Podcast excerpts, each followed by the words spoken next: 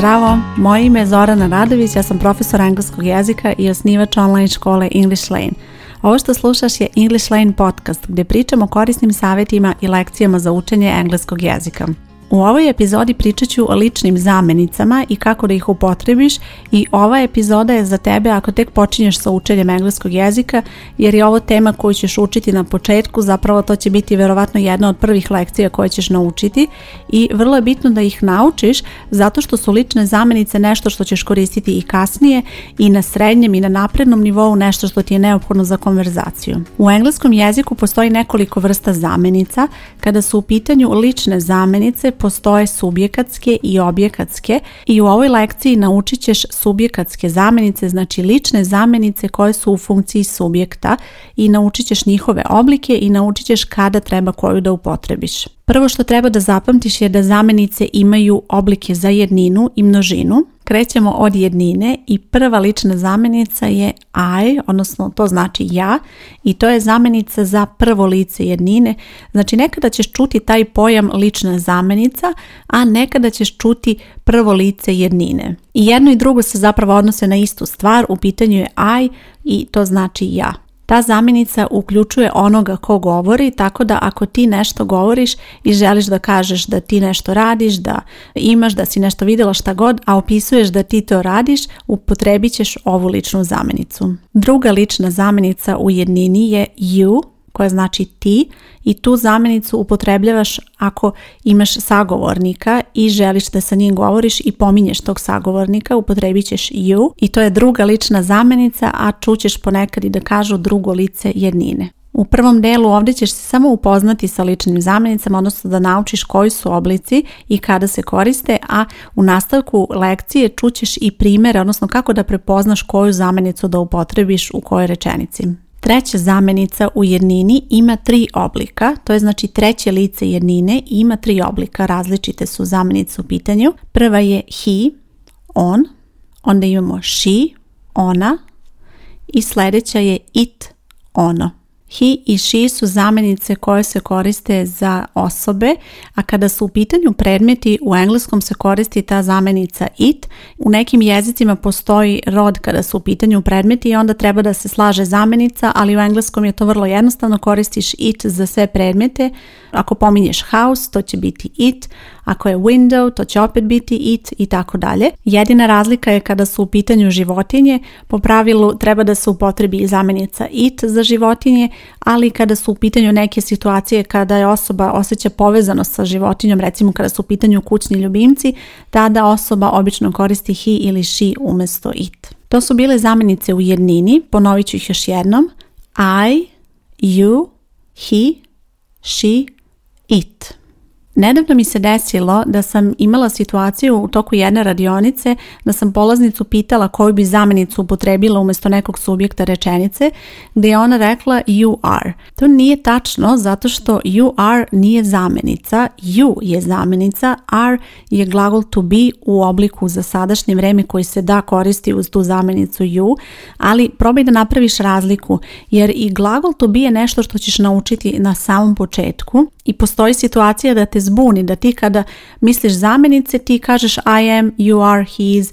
Mnogima se to dešava, ali napravi razliku. Znači zamjenice su samo to I, you, he, she, it. Sve posle toga to je glagol koji je sada glagol to be, ali kako napreduješ sa učenjem upotrebit ćeš tu kasnije neki drugi glagol pa bi bilo pogrešno da ostane to am, are, is i tako dalje u okviru zamenice. Znači zamenice je samo ovo što si ovdje naučila I, he, she, it za jedninu. Inače, radionica koju sam sada pomenula je dostupna u mojoj online školi, tako da ako si član škole, predlažem da se uloguješ na platformu i da pogledaš tu radionicu. U pitanju je radionica o zamjenicama u engleskom generalno, tako da nisu samo lične subjekatske zamjenice, već i ostale vrste zamjenica, a postoji i puno vežbanja koje možeš uraditi posle te radionice. Ukoliko nisi član English Lane škole, a želiš da se priključiš, želiš da učiš online putem naše platforme, predlažem da pogledaš više o English Lane online školi na ovoj stranici gdje slušaš podcast bit će link.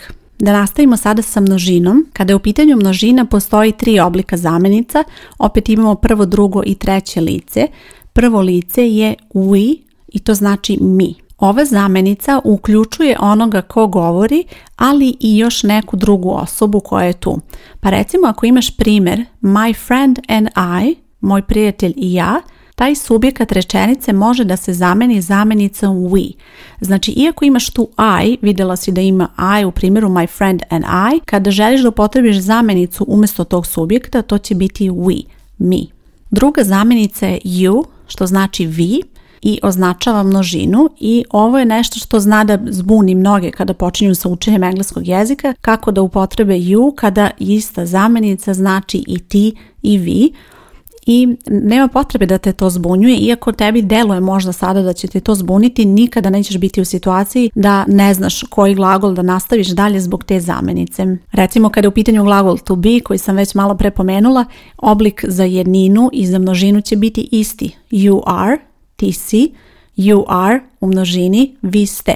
To je isti oblik, znači nećeš doći u situaciju da pogrešiš zato što ne znaš da li je ti ili vi, zato što je isto na engleskom, samo će možda nekada biti problem tebi kada treba da prevedeš, pa ne znaš da li se misli na jednu ili više osoba. Treća zamenica u množini, odnosno treće lice množine je they, odnosno to znači oni, one, ona i ta zamenica obuhvata sve, znači ako se setiš jednine bilo je tri različita oblika za treće lice, he, she, it, a u množini ima jedan oblik i to je they. Ova zamenica se koristi za množinu, za oblik u množini kada ima više osoba. Međutim, u savremenom jeziku se često dešava da osoba ukoliko ne želi da se izjasni kog je pola, koristi za sebe zamenicu they, da izbjegne da kaže da li je he ili she, već umjesto toga koristi they za jednu osobu. To nije još uvijek nešto što je standard u gramatici i nešto što ćeš učiti sada, ali može ti se desiti da recimo ako pratiš e, novine, ako pratiš e, blogove i tako dalje, može ti se desiti da vidiš zamjenicu day u toj upotrebi. Kada je u pitanju tvoje učenje, ti ćeš se voditi time, znači imaš jedninu, množinu i treba da naučiš koje su lica u množini i koje u jednini. Još jednom ću ponoviti množinu.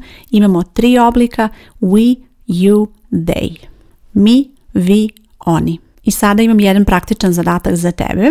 Ja ću da kažem subjekat rečenice, a ti probaj da zameniš koju bi zamjenicu upotrebila umjesto tog subjekta rečenice. Subjekat rečenice je inače oni vršilac ranje znači nešto što je na početku rečenice i vidjet ćeš nakon što uradiš ovaj zadatak ja ću ti objasniti i zašto je ovo što sada radiš veoma važno. Prvo će biti Allison.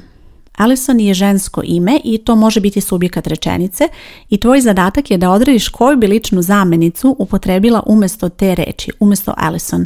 Šta bi rekla? Primjer jedne rečenice je Alison works in a bank, koju zamjenicu možeš upotrebiti umjesto subjekta rečenice Alison. Odgovor je she. U ovom slučaju možeš upotrebiti zamjenicu she i tada bi rekla ona radi u banci. She works in a bank. Dakle, subjekat rečenice imenicu, vlastitu imenicu, odnosno ime osobe, si zamenila ličnom zamenicom i to i jeste njihova svrha i zato se zovu zamenice i vidjet ćeš sada još nekoliko primjera. Poslušaj sada ovu rečenicu. Alison and her sister are in the garden. Alison and her sister to je subjekat rečenice, šta bi upotrebila umjesto tog subjekta rečenice, koju zamenicu. U ovom slučaju tačan odgovor je they, one. U pitanju je množina i zamenica za treće lice they. Tu množinu može činiti više subjekta, odnosno u ovom primjeru bilo je Alison and her sister, to su dve osobe, a evo i sljedećeg primjera gdje će opet biti množina. Students are taking an exam. Students je reč u množini i u ovom slučaju taj subjekat rečenice možeš zameniti također zamenicom they. U pitanju je množina i oblik they. Imamo sljedeći primjer. A book is on the table. Subjekat ove rečenice je a book i šta bi upotrebila, koju ličnu zamenicu bi upotrebila u ovom slučaju. Tačan odgovor je it.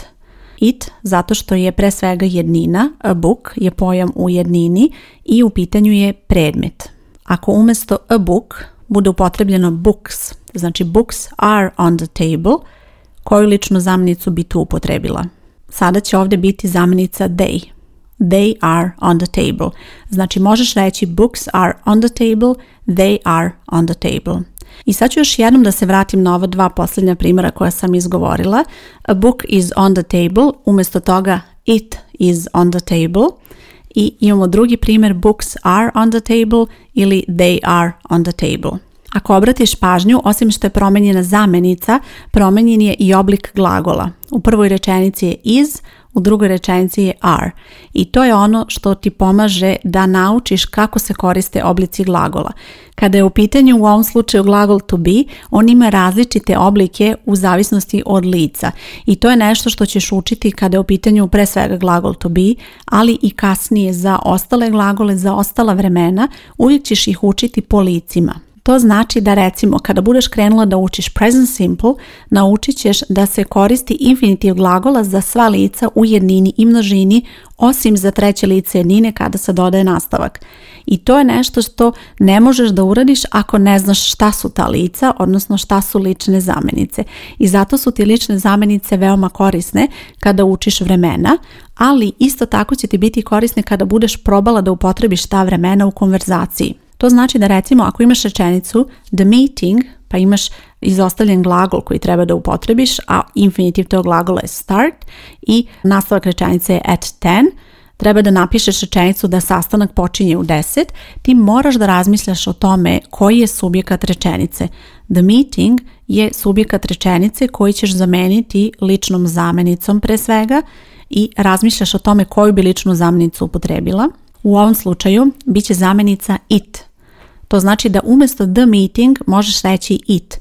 I onda kada naučiš da je tu it i znaš da je to treće lice nine i znaš da kada je u pitanju present simple da se tu dodaje nastavak, znaš da ćeš onda upotrebiti oblik starts. The meeting starts at 10. To znači da neće biti tačno da upotrebiš start, već prepoznaješ da je the meeting treće lice jednine it i na osnovu toga određuješ kako ćeš upotrebiti glagol. Znam da sam sada u nastavku malo više pričala i o gramatici i pominjala sam neke stvari koje možda još nisi učila u ovom trenutku, ali želim da ti pokažem zašto su lične zamenice važne i zašto se one koriste i kasnije, a ipak su lične zamenice tema koje ćeš naučiti na početnom nivou. Konkretno kada je u pitanju moja škola, ove lične zamenice se uče na kursu koji se zove Engleski 101. Ukoliko nisi član English Lane škole, a želiš da to postaneš, na ovoj stranici gdje slušaš podcast bit će link ili možeš jednostavno da potražiš English Lane online škola i tu možeš da se prijaviš. Nadam se da ti je ova lekcija bila korisna i da će ti pomoći da razumeš kako se koriste zamjenice u konverzaciji. Hvala ti što slušaš podcast, ja sam Zorana Radović i čujemo se uskoro. Ćao!